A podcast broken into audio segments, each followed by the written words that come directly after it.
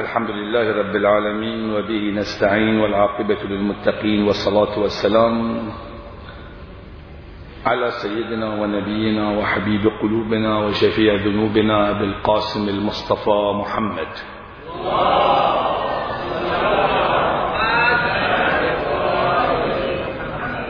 صلى الله عليه وعلى أهل بيته الطيبين الطاهرين المعصومين الهداة المهديين واللعن الدائم على أعدائهم ومخالفيهم وغاصبي حقوقهم أجمعين من الآن إلى قيام يوم الدين. في دعاء الندبة نخاطب مولانا الإمام الحجة عجل الله تعالى فرجه الشريف أين جامع الكلمة على التقوى؟ وفي بعض الروايات أين جامع الكلم على التقوى. ما هو المقصود من هذه الكلمة المباركة؟ علما بأن دعاء الندبة هو دعاء العشاق. وقد دون هذا الدعاء من أجل أن يتوسل المؤمنون إليه صلوات الله وسلامه عليه وعجل الله تعالى فرجه الشريف. لا من ناحية ظاهرية فحسب بل لكي يعرف المؤمنون حقيقة المهدوية ويعرفون من هو الإمام الحج سلام الله عليه. وماذا حدث للبشرية؟ قبل ذلك وماذا سيحدث في المستقبل لكي تكون لهم رؤية واضحة بالنسبة إلى الماضي والحال والمستقبل ويكونون مصداقا لقوله صلوات الله وسلامه عليه. أمير المؤمنين سلام الله عليه يقول رحم الله امرأ عرف من أين وفي أين وإلى أين. هذا الموضوع سوف نتطرق إليه في هذه الليلة والليالي المقبلة ونريد أن نعرف دور الأنبياء خصوصا دور نبينا الأكرم صلى الله عليه وآله وسلم ثم دور الصديقة الطاهرة وأمير المؤمنين وخصوصا الإمام الحسن سلام الله عليه صاحب هذه الليالي والأئمة عليهم السلام دورهم في تلك الدولة المباركة. لأن جامع الكلم أو جامع الكلمة إشارة إلى أن إلى الشخص الذي سوف يجمع جميع الحوادث ويجمع جميع الشخصيات. هذا مقصود من جامع الكلم. لأن الكلم جمع الكلمة والكلمة إشارة إليهم سلام الله عليهم أجمعين. كما ورد في القرآن الكريم بالنسبة إلى عيسى أطلق عليه كلمة وأيضا أطلقت في الآية المباركة في قوله تعالى فتلقى إبراهيم ربه بكلمات فتلقى آدم ربه بكلمات وإذ ابتلى إبراهيم ربه بكلمات وتمت كلمة ربك صدقا وعدلا أطلق على أهل البيت عليهم السلام. رسول الله وأهل البيت عليهم السلام. فالمقصود من جامع الكلم الذي يجمع جميع أهل البيت سلام الله عليهم أجمعين. كنت أود أتحدث عن الإمام الحسن سلام الله عليه. أخصص البحث للإمام الحسن ولكن رأيت بأن التسلسل يقتضي بأنه نبدأ برسول الله صلى الله عليه وآله وسلم. ثم ننتقل إلى الزهراء وأمير المؤمنين ثم نتحدث عن الإمام الحسن سلام الله عليه. فربما يكون هذا البحث في الليالي المقبلة حول دور الصبر الحسني في الدولة المهدوية. دور الصبر الحسني والحق العلوي. وهذا يتطلب أن نفسر قوله تعالى بسم الله الرحمن الرحيم والعصر إن الإنسان لفي خسر. بحث مهم جدا أنا أبدأ في هذه الليلة أبين دور رسول الله. ولكن قبل أن أدخل في هذه الساحة أريد أن أقدم مقدمة مختصرة وهي أنه لا يمكن لأي شخص مهما كان أن يعرف مواقف الأئمة جملة وتفصيلا. لا يمكن أن يعرف إلا أن ينظر إلى الدولة المهدوية. أنا أعتقد هكذا.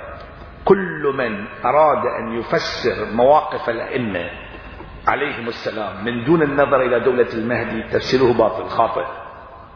مهما تابع الموضوع. لأن القضية لها علاقة مباشرة بالدولة المهدوية المباركة. بدون الدولة المهدوية ترى الشبهات تأتي من اليمين والشمال تتراكم على مواقف أئمتنا عليهم السلام سواء أمير المؤمنين أو الإمام الحسن حتى الإمام الحسين سلام الله عليه. لأجل توضيح هذا الموضوع أنا أود أن أذكر مثال مختصر ثم أدخل في الحديث. هذا المثال يوضح لك المسألة. لو فرضنا بأنه هناك فيلم فيديو لشخص هذا الشخص يمشي يمشي في صورة يسرع في المشي وفي صورة يبطأ في المشي في صورة يسرع يعني بشكل غير طبيعي وفي صورة ثانية بطيء جدا يمشي. الآن إذا سألوك هذا الإنسان كيف يمشي السرعة هنا وبطيء تتحير. ربما تحلل تحليل غير صحيح. ليش؟ لأنه ما تعرف أين يذهب.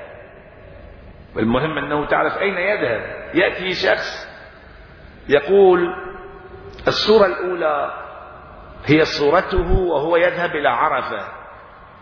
واليوم اللي صورناه كان الساعة حادية عشر ظهرا قبل الزوال يريد أن يوصل نفسه إلى عرفة الرجل. لازم يسرع. إذا ما وصل المشكلة بتصير بالنسبة له وقوف. وقوف المشكلة. آه عدل المفروض يسرع. حقه يسرع. حقه. من عرف الحسين عارفا من زال الحسين عارفا بحقه.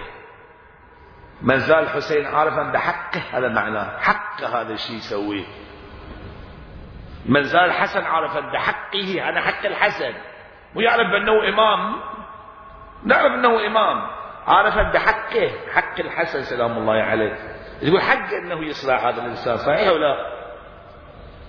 أما الصورة الثانية يقول بأن الرجل كان عند قبر عون وهو يمشي إلى حرم الإمام الحسين وهذا اليوم يوم الأربعين قبل الأربعين بيوم.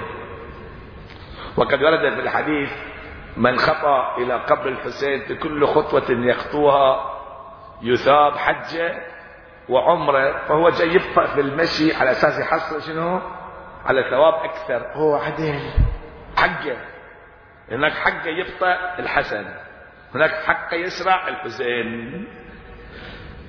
كلاهما ينطلق إلى مكان ولكن واحد يذهب إلى عرفة وعرفة هو المهدي والمهدي هو عرفة. الحسين هو عرفة. ذاك يذهب إلى الحسين وذاك يذهب إلى عرفة. والمقصد واحد ولكن التجليات مختلفة. أثرت في الحركة. أثرت في الحركة هذا شيء طبيعي. فلا يمكن للإنسان أن يعرف موقف أي شخص حكيم وعاقل إلا أن يعرف المقصد والمأوى والمنتهى. نعم والإياب. يكون يعرف وين يروح الرجل. على هذا الأساس نحن نعتقد بأن الدولة المهدوية هي الغاية. والقرآن صريح في هذا المجال. هو الذي أرسل رسوله بالهدى ودين الحق ليظهر الغاية. حتى لا تكون فتنة هي الغاية غاية هذا معناها. حتى لا تكون فتنة ويكون الدين كله لله. إذا كانت الدولة المهدوية هي الغاية فمو من, من الإنصاف أن ننظر إلى رسول الله من دون المهدي. ونتحدث عن سيرة رسول الله من دون المهدي. كأن رسول الله جاي يعيش في بيئة في المدينة وجاي يعلم أشخاص أطرافه أشخاص بعضهم لا قيمة له. بعضهم قيم عظيم مثل سلمان وأبي ذر. بس هذه بس المجموعة يعني. فالسيرة النبوية المكتوبة هاي السيرة تخص ذلك الزمان. لا تخص رسول الله. تخص محمد. لا تخص رسول الله. فرق بين رسول الله وبين شنو؟ محمد. لازم إحنا نكتب سيرة ترتبط برسول الله محمد صلى الله عليه وآله وسلم.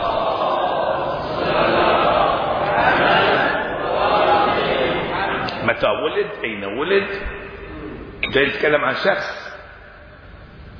كم سنة بقي في المدينة؟ كم سنة بقي في مكة ثم انتهت المسألة. أنا أود أن أنطلق من من منطلق مهدوي. أرجع لرسول الله. أنطلق من منطلق مهدوي. آتي إلى فاطمة. من منطلق مهدوي نهدوي نأتي إلى الحسن. إلى إلى أمير المؤمنين. إلى الحسن وهكذا. والقصة إذا تنطلق من مهدوية تشوف القضية تختلف تماما. تعرف لماذا سكت الحسن ولماذا ثار الحسين. ولماذا التجأ الإمام السجاد للأدعية؟ ولماذا توسل الإمام الباقر بتأسيس الحوزة؟ والإمام الصادق سلام الله عليهما. ولماذا قبل الإمام موسى بن جعفر تلك المصائب ولماذا قبل؟ طبعا كان يقدر يفر منهم بطريقة معنوية من من منطلق الإمامة. ولماذا هاجر الإمام الرضا إلى خراسان ولماذا ولماذا إلى آخره؟ ولماذا تحققت الغيبة أصلا؟ فإذا نحن إن شاء الله في هذه الليالي نريد أن ننظر إلى المهدي سلام الله عليه عجل الله تعالى فرجه الشريف. ونرجع إلى رسول الله. ننظر إلى المهدي ونرجع إلى الحسن إلى أمير المؤمنين وهكذا. نقطة أود أن أبينها قبل الدخول في الحديث بأن آه، المقصود من من جامع الكلم شنو؟ هذا أول شيء.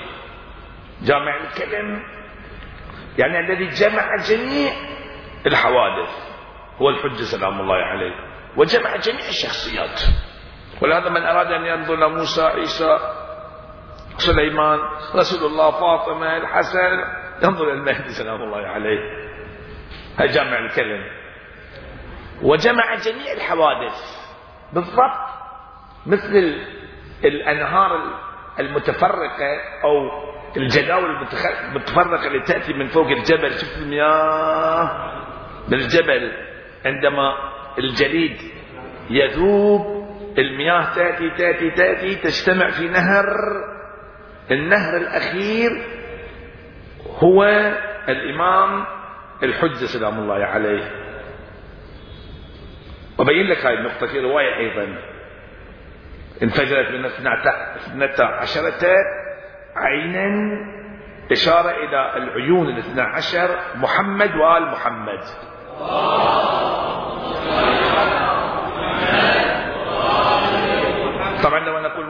12 إلى علي يعني الإمامة قصدي. الأئمة الاثنى عشر من رسول الله كما سأبين؟ هاي العيون اجتمعت كلها في عين واحد. بس أقول لك نقطة. قبل رسول الله الأنبياء يمثلون جداول صغار. مثل عروق تشوف بعض الأحيان تذهب إلى الجبال فوق الجبل في البرد الشديد تشوف الماء ينزل عرق بسيط بس ما تشوفه بسيط. من ينزل تشوف يصير نهر. نهر فرات ونهر دجلة ونهر النيل. من وين؟ من العروق البسيطة. مو تامة. هي مو تامة. دقق فيها الكلمة. مو تامة. مع بعض تجي في أنهار كلها تام. ولهذا كل إمام ولد كان على كتفه مكتوب وتمت كلمة ربك صدقا وعدلا. تم هذا وتم وتم الجامع للتمام. يعني هذا التام وهذا التام. الجامع للتمام هو الإمام الحجة سلام الله عليه. يعني كل إمام تام. مثل واحد يجيب لك مثلا يجيب لك أكلة خاصة لذيذة بس ما يجيب لك وايد يجيب لك قليل. مو تام. يعني ما يشبعك. تاكل لقمة واحدة وخلاص. الأنبياء هكذا. أهل البيت لا جابوا لك أكلة كل واحد جاب أكلة بس تامة. شبعك اليوم كامل خلاص. يوم ثاني الإمام الثاني جاب لك شيء ثاني بس تام. وكلها اجتمعت الآن في مائدة كبيرة. هذه المائدة هي المائدة المهدوية به. يملأ الله الآن قسطا وعدلا كما ملئ ظلما وجورا وتمت كلمة ربك هني صدقا وعدلا. خلاص كل شيء يتواجد في مائدة الإمام الحجة. عجل الله تعالى فرجه الشريف.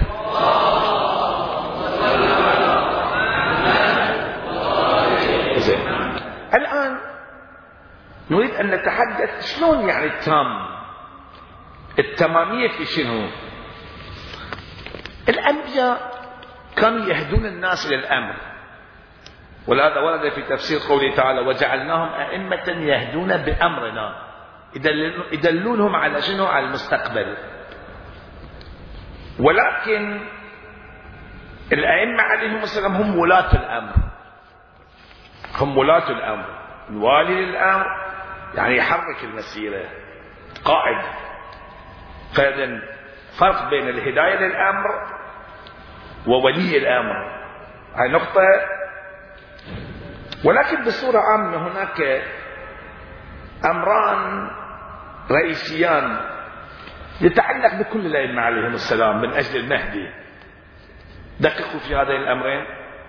الأمر الأول الإصلاح من أجل المهدوية التمهيد الفكري. كلهم كانوا بصدد هذا الشيء. يعني أكو أمور مشتركة بين الأئمة عليهم السلام. من أجل الإمام الحجة سلام الله عليه. الأمر الأول كلهم كان يمهد. يمهد فكريا. مو أرضية خارجية لا فكريا. أرضية ما كانت متهيئة. كان يخلق يخلقون أناس ممهدين للمهدي هذا الشيء الأول. الشيء الثاني مهم جدا خصوصا في شهر رمضان. الأدعية. كلهم مشتركين في أنهم كانوا يدعون لظهور الحجة سلام الله عليه. كلهم بلا استثناء. تقول الإمام الحسين في آخر لحظة آخر لحظاته في مناجاته يقول واجعل لنا من أمرنا فرجا ومخرجا. يشير الإمام الحجة سلام الله عليه. الأئمة كانوا يقرؤون هب لي كمال الانقطاع إليك. هاي دعاء مهدوي. يقرؤون اللهم أدخل على أهل القبور. السرور هاي دعاء مهدوي. لأن أهل القبور مو مختص بفلان وفلان. قبور حتى سلمان حتى أبي ذر سوف يفرحون. يفرحون بماذا؟ يفرحون بظهور الإمام سلام الله عليه. نعم. الأئمة كلهم كانوا بصدد أمرين. الأمر الأول التمهيد الفكري. الأمر الثاني الدعاء. ولهذا كل الأئمة دعوا دعاء طلبوا من الله ودعاء مستجاب. أن يسهل في أمر فرج الإمام الحجة عجل الله تعالى فرجه الشريف. نعم. ومن خلال الدعاء كانوا يبينون أيضا شخصية الإمام سلام الله عليه. مضافا إلى ذلك هناك روايات أيضا صلوات على الأئمة عليهم السلام في تعريف الإمام. من هو الإمام القائم؟ أيضا هذا مهم. مثلا عن إيه، في قوله تعالى وأسبغ عليكم نعمة ظاهرة ونعمة باطنة. عن الإمام الكاظم سلام الله عليه. النعمة الظاهرة الإمام الظاهر والباطنة الإمام الغائب. في تفسير قوله صراط الذين أنعمت عليهم. يقولون من تصلي في صلاتك تقول صراط الذين أنعمت فكر. النعمة الظاهرة والنعمة شنو الباطنة يعني فكر بأن الذي أنعم الله من النعم التي أنعم الله علينا وجود الإمام الحجة سلام الله عليه. زين وهكذا بالنسبة للروايات إلى ما شاء الله أهل البيت كانوا يعرفون الإمام فإذا أهل البيت بصورة عامة. أكو عمل عام مشترك. اللي الكل قد شارك في هذا العمل شنو؟ أول شيء التمهيد الفكري للمهدوية. هاي النقطة الأولى. ثانيا الدعاء لسلامة الإمام ومجيء الإمام. هاي الشيء الثاني. ومن خلال الدعاء الروايات التي كانوا يعرفون بها شنو؟ الإمام سلام الله عليه للأجيال. انتهينا من هذه النقطة. الآن ندخل في ساحة أخرى. ما هو دور رسول الله محمد صلى الله عليه وآله وسلم.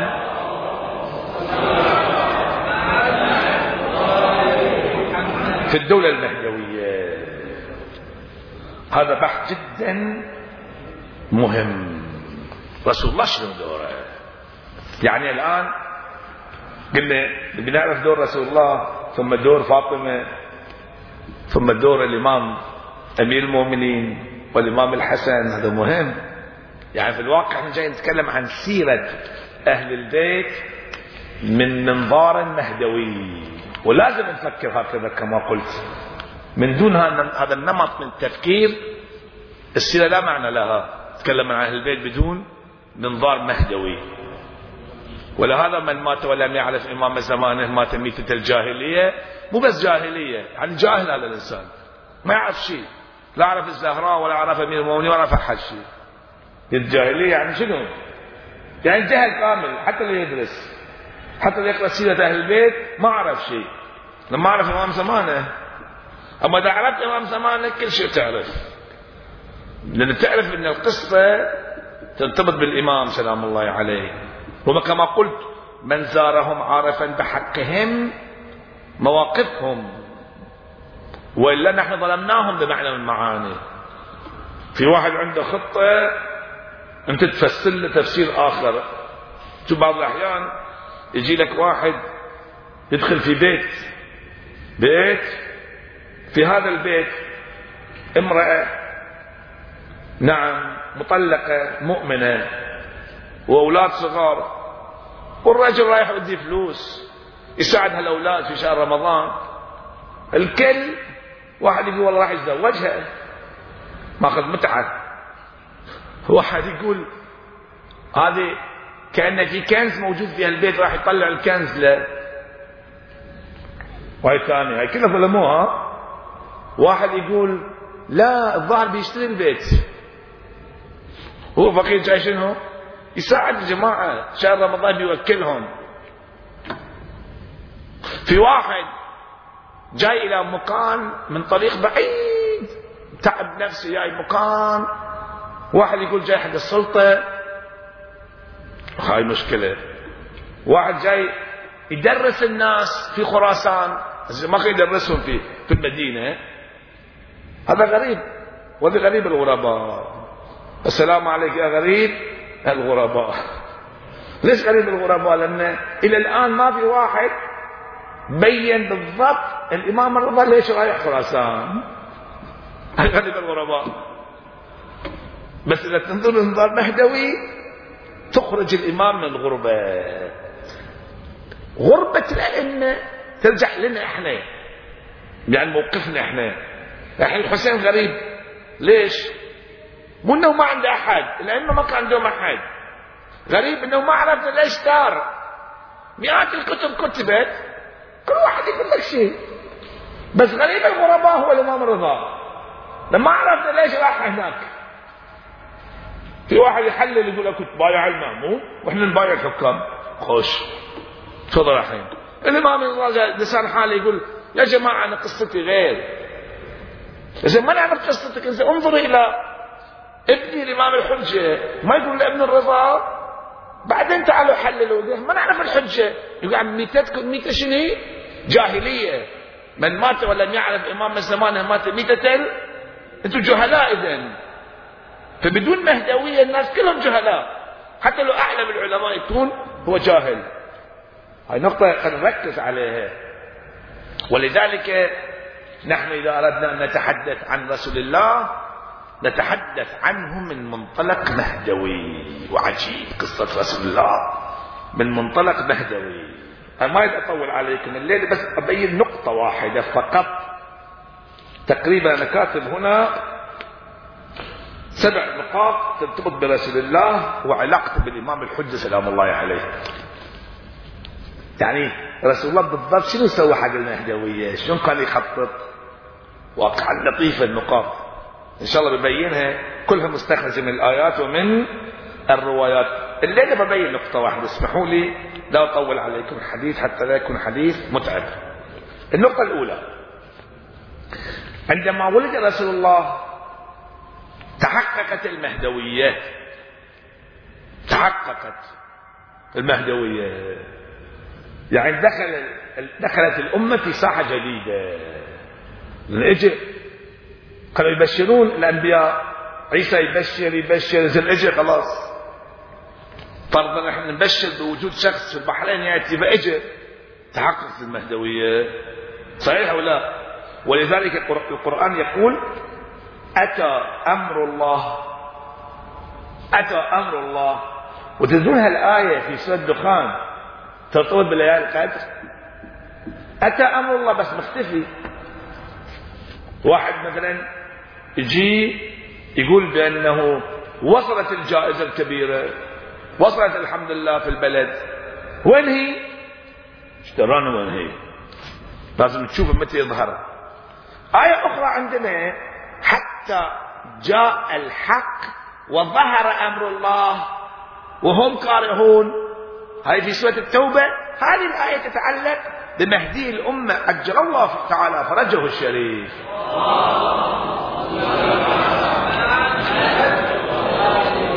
فمرحلتين عندنا؟ مرحلة أتى أمر الله ومرحلة ظهر أمر الله. مرحلة أتى أمر الله بميلاد الرسول صلى الله عليه وآله وسلم. أتى أمر الله. الوضع تهيأ. أحب أبين لك الغدير شنو صار؟ عجيب واقعا خطبة رسول الله في الغدير خطبة عجيبة وغريبة. خطبة مهمة جدا. في النقاط الآتية وأختم الحديث إن شاء الله. فلا تستعجلوا. أتى أمر الله فلا تستعجلوا بعد لا تستعجلون أنتم. اتى الله خلاص. ما تستعجلون يعني شنو؟ لا تستعجلوا يعني لا تحركوا لا, تخربون الشغلة. مقصود هذا. لا تستعجلوا مثل واحد مثلا بلا تشبيه. الطعام وصل إلى الحسينية. لا تستعجلون. ينكب الطعام مثل عام. يوم عاشوراء كل الطعام انكب. وصارت مشكلة. تستعجلون؟ هذا معناه يعني شيء خطأ. مو لا تستعجلون. طبعا نشتاق له بس تشتاقون. سيطروا على نفسكم. ولهذا أهل البيت لم يستعجلوا. كل واحد سيطر على نفسه. زين. في أي مكان صارت عجلة؟ صارت مشكلة. وين؟ في زمن الإمام موسى بن جعفر. استعجلوا صارت مشكلة. الإمام سجن سلام الله عليه. فإذا من هنا نبدأ في سيرة رسول الله من منطلق مهدوي. ظهر أمر الله حتى جاء الحق جاء الحق وظهر أمر الله. هذه الآية تتعلق بظهوره سلام الله عليه إن شاء الله الليلة المقبلة. فهي النقطة الأولى وإن شاء الله عندنا مع ست نقاط. نشير إلى موقف رسول الله ودور رسول الله. في الدولة المهدوية المستقبلية خصوصا دور القرآن الكريم في هذا المجال. القرآن جاي يبين آيات فرسول الله له دور مهم في تحقيق الدولة المهدوية لأن المهدوية فيها آيات كثيرة والآيات لها دور في هذا المجال فرسول الله. كان بصدد هذا الشيء والمهدوية ليست هي ظهور شخص فقط لا المهدوية تعني رفعة العالم الهداية العروج وصول الناس إلى الكمال. أكتفي بهذا المقدار وباعتبار أن هذا اليوم كان يوم مولد الإمام المجتبى سلام الله عليه. والإمام المجتبى هو صدق رسول الله وأول من سمي ابن ابن رسول الله. الآية صريحة وأبناءنا وأبناءكم. بعد شو بتنكرون أنتم ابن رسول الله. رجل عظيم وله دور كما قلت في المهدوية. الصبر الحسني له دور. الصبر العلوي ما له دور. الحق العلوي له دور. الحق العلوي والصبر الحسني تواصل بالحق العلوي والتواصل بالصبر الحسني كنت أحب أبين البارحه بين في مجلس ثاني. إن شاء الله نخليه بعد كم يوم بعون الله. نكتفي بهذا المقدار. بلغ العلا بكماله كشف الدجى بجماله حسنت جميع خصاله. صلوا عليه وآله.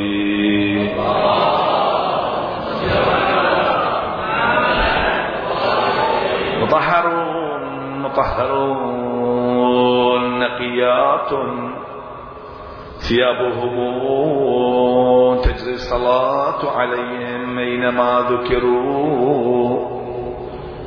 والله لما برى خلقا فأتقنه صفاكم واصطفاكم أيها البشر وأنتم الملأ الأعلى وعندكم أم الكتاب علم الكتاب وما جاءت به السور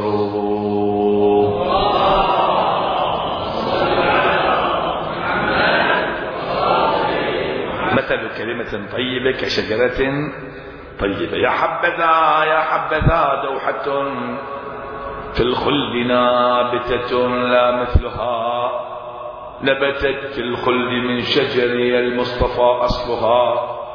والفرع فاطمة ثم اللقاح علي سيد البشر والهاشميان سبطان لها ثمر والشيعة